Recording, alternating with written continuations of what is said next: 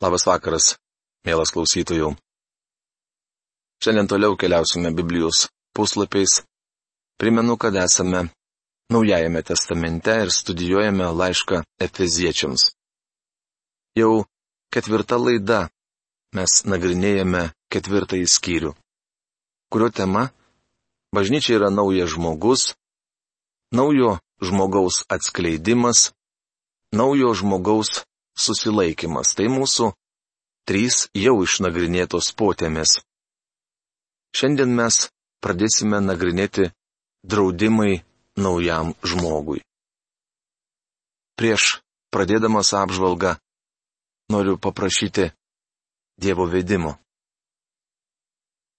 Tėve, aš dėkoju tau už tavo brangų žodį, kurį tu mums palikai, išsaugojai ir duodi galimybę viešpatė šiandieną skelbti. Ačiū tau už dvasę, kurią apgyvendinai mumise tikinčiuosiuose. Ir kad teiki visokiojopos išminties ateinančios iš tavęs, tam, kad tinkamai išaiškintume tavo žodį.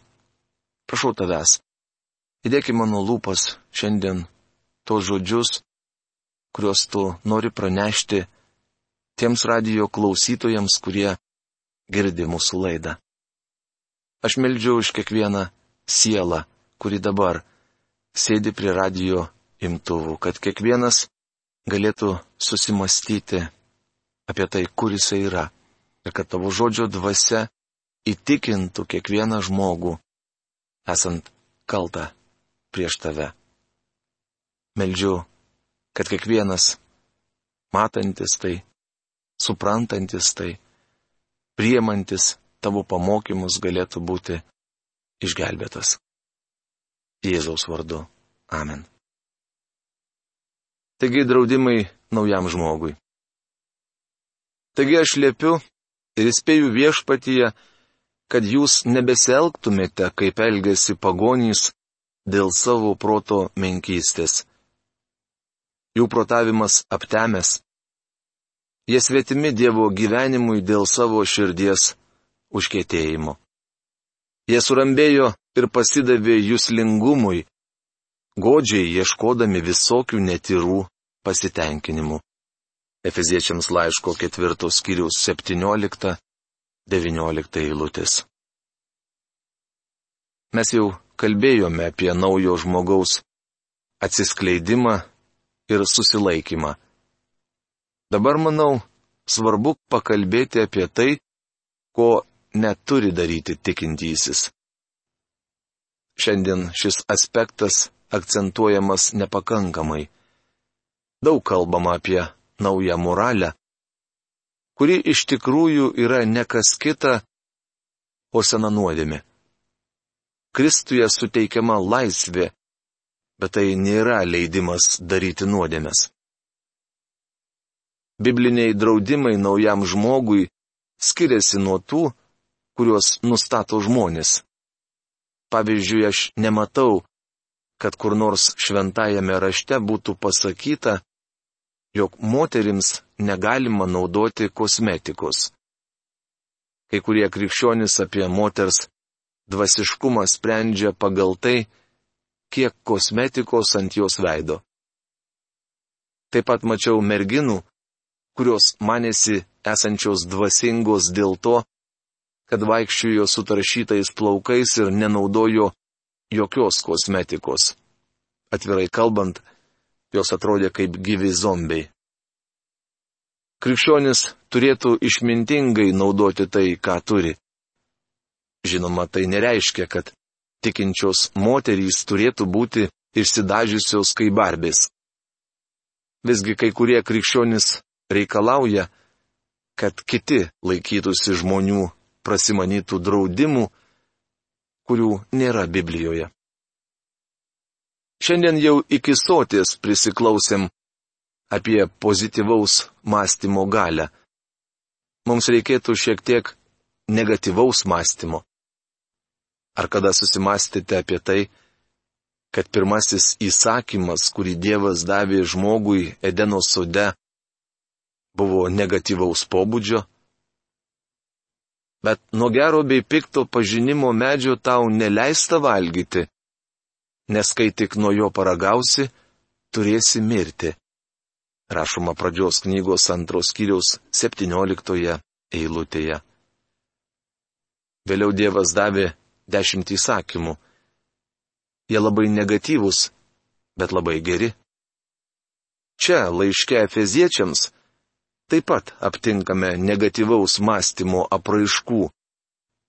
Draudimų Dievo vaikui. Mes neturime elgtis kaip elgesi pagonys.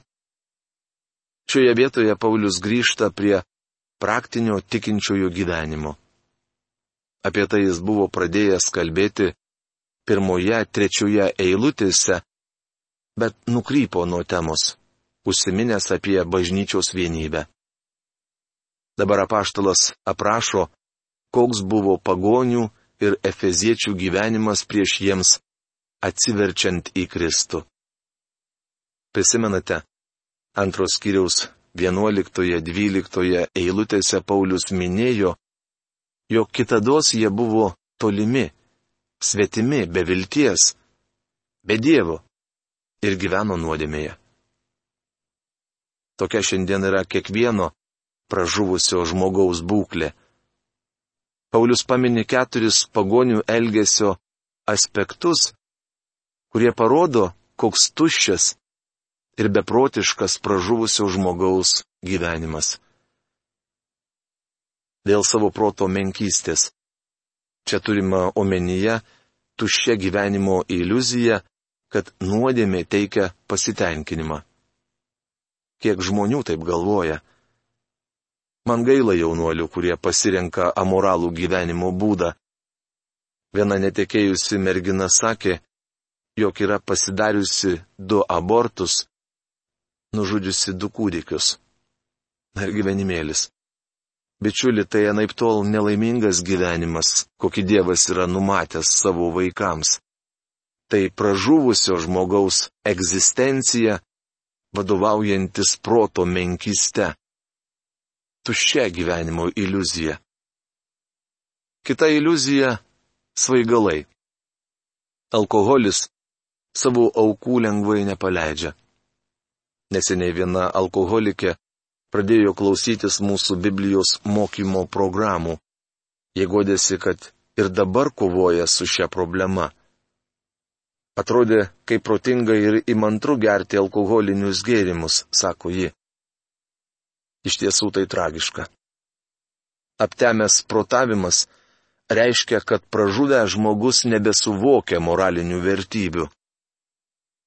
Jie svetimi Dievo gyvenimui dėl savo širdies užkėtėjimo.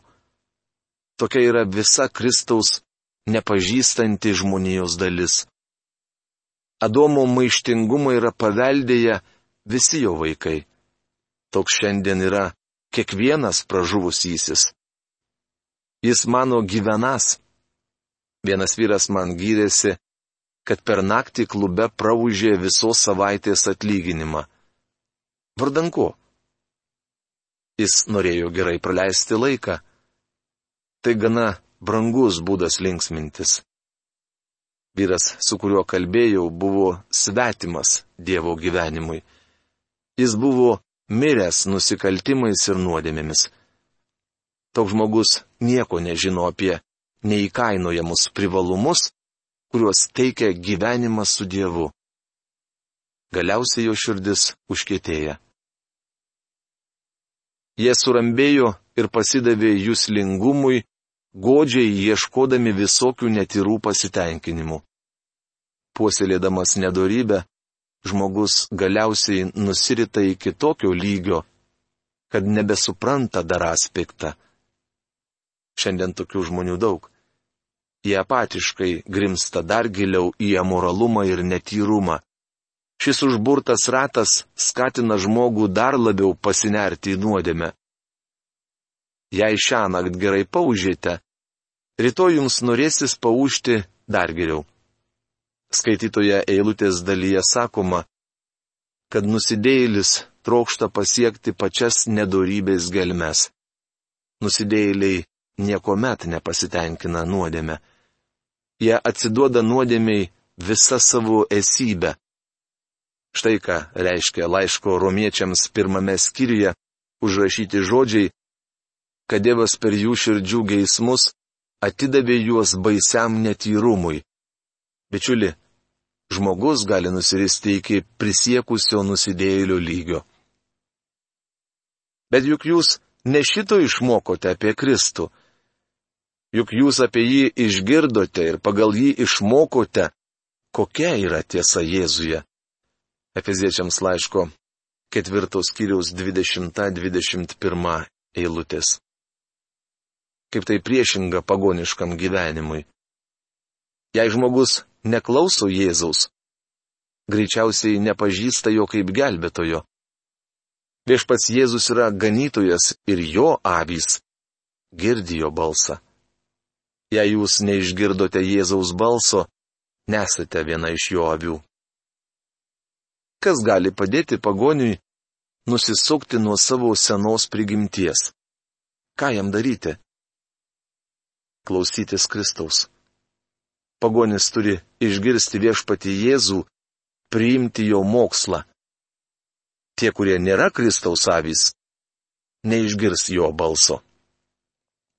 Nieko nuostabaus, kai man parašo neišgelbėtas žmogus ir savo laiške sako, jog nesutinka su manimi. Aš galvoju, puiku, taip ir turėtų būti. Kažkas būtų ne taip, jei jis man pritartų. Išgelbėtas žmogus žvelgia į viešpatį Jėzų kaip į savo ganytoją. Jis klauso ganytojo ir jį seka. Tuo tarpu neišgelbėtas žmogus žingsniuoja savo keliu. Kokia yra tiesa Jėzuje? Nors Jėzaus gyvenimo pakartoti negali ne vienas, jis yra pavyzdys tikinčiajam. Jėzus buvo pionierius, parodęs pavyzdį, kaip reikia gyventi žemėje. Bet to jis dėl mūsų peržengė mirties lengstį. Šiandien joks tikintysis neturėtų būti aklas ar skendyti tamsoje ir nežinioje. Filipiečiams laiško antros kiriaus penktoje eilutėje apaštalas mokino, būkite tokio nusistatymo kaip Kristus Jėzus. Privalu atsižadėti ankstesnio senojo žmogaus gyvenimo būdo, žlugdančio apgaulingais geismais, atnaujinti savo proto dvasę, apsivilkti naujų žmogumi, sutvertų pagal Dievą teisume ir tiesos šventume. Efeziečiams laiško ketvirtos skyriaus 22-24 eilutės. Atsižadėti senojo žmogaus, apsivilkti naujų žmogumi. Mums reikia nusivilkti senąjį žmogų ir apsivilkti naująjį, panašiai kaip persirengiame naujais drabužiais. Mes tarsi nusivelkame seną nešvarų drabužį, o apsivelkame naują ir švarų. Tačiau nusivilkti senojo žmogaus ir apsivilkti naujojų neįmanoma nei savo pastangomis, nei stengiantis pamėgdžioti Kristaus elgesį. Mes esame tarsi kūdikiai, negalintys patys apsirengti. Stebėdama savo nuką supratau, jog jam pačiam apsirengti be galo sunku. Mes kaip krikščionys niekuomet nesugebėsime to padaryti, tad geriau ir nemėginkime. Tai jau padaryta dėl mūsų. Laiške romiečiams sakoma, jog senasis žmogus jau nukryžiuotas Kristaus mirtyje.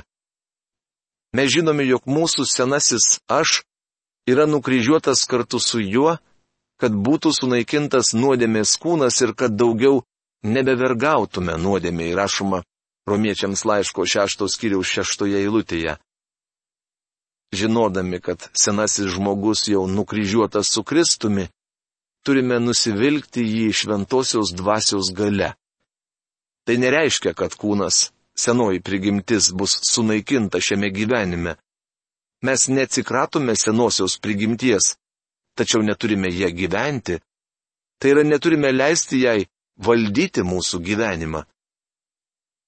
Kita vertus, atgimdyti šventąją dvasę mes turime naują prigimtį. Kiekvienas, kas yra Kristuje, yra naujas kūrinys. Mes turime gyventi nauja prigimtimi, naujų žmogumi. Čia pakartojama didi žinia, kurią skaitėme laiške romiečiams. Sutvertų pagal Dievą teisume ir tiesos šventume. Matome, jog tai Kristaus teisumas priskirtas mums ir kad visi mūsų veiksmai turi atitikti šventą Dievo charakterį. Jei mes buvome išteisinti ir Kristuje esame danguje, mūsų elgesy žemėje turėtų atitikti padėtį, kurią užimame.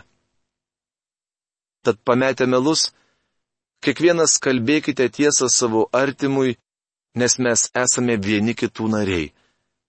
Rūstaudami nenusidėkite, tegul saulė nenusileidžia ant jūsų rūstybės. Ir nepalikite vietos velniui. Efeziečiams laiško ketvirtos kiriaus 25-27 eilutės. Paulius grįžta prie draudimų. Apie juos jau buvo pradėjęs kalbėti 17 eilutėje tikinčiajam sakoma nebesielgti, kaip elgesi pagonys. Šie paliepimai užima visą likusią laiško efeziečiams dalį. Kiekvienas kalbėkite tiesą. Tai pirmasis paliepimas. Kai senasis žmogus buvo nukryžiuotas su Kristumi, meluojantis liežuvis ir sukta širdis taip pat atsidūrė ant kryžiaus. Jėzus turėjo numirti už mus ir dėl to, kad mes esame melagiai. Mes turėtume visuomet kalbėti tiesą. Davidas rašė, neapgalvoja, sakiau, visi žmonės melagiai. Taip užrašyta 116 psalmės 11 eilutėje. Pamenu prieš daugelį metų, cituodamas minėtą eilutę, daktaras Kerolas pastebėjo, jog Davidas ištarė šiuos žodžius neapgalvojęs.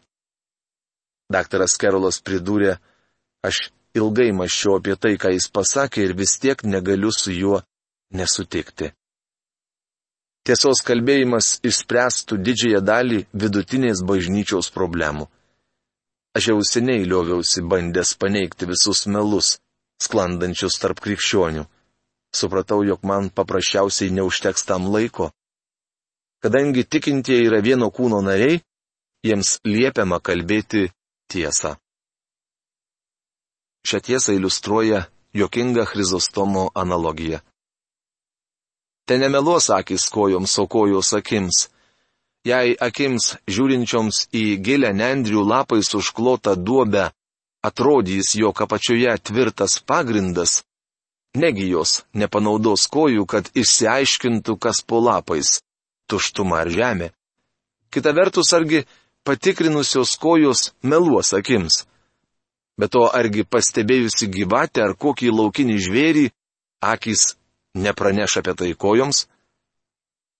Kojos nemeluos akims, nes jos priklauso tam pačiam kūnui. Taip pat ir akis neapgaudinės kojų. Tad ir bažnyčios nariai turėtų kalbėti tiesą ir būti sažiningi vieni su kitais. Juk mes Kristuje Jėzuje esame vienas kūnas rūstaudami nenusidėkite. Tikinčiajam sakoma pykti ant tam tikrų žmonių tam tikrose situacijose. Regis, šiandien yra susiformavusi nuomonė, jog krikščionis turi būti lipšnus ir malonus bet kokiomis aplinkybėmis. Atidžiai manęs paklausykite. Joks tikintysis kovoje už tiesą negali užimti neutralios padėties. Jis turėtų nekesti liežuvavimo ir melo, ypač jei tai daro krikščionis. Tačiau mes neturėtume jausti žmogui vidinės neapykantos ar priešiškumo. Mėlyje reikia susibalansuoti tame. Paulius vadina tai blogybę. Taigi atmetę visokią blogybę rašoma pirmame Petro laiške antrame skyriuje pirmoje eilutėje. Blogybė apibūdinama kaip įsisenėjęs pyktis. Blogas elgesys turėtų būti pataisomas be priešiškumo, principas paprastas. Atleisk ir užmiršk. Kai mes nešiojame širdyje neapykantą ir blogus jausmus, velnės turi galimybę mumis pasinaudoti.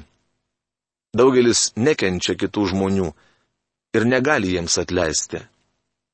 Bičiuli, mes turėtume atleisti ir pamiršti, jei žmogus pasiryžęs palikti apgaulės kelią.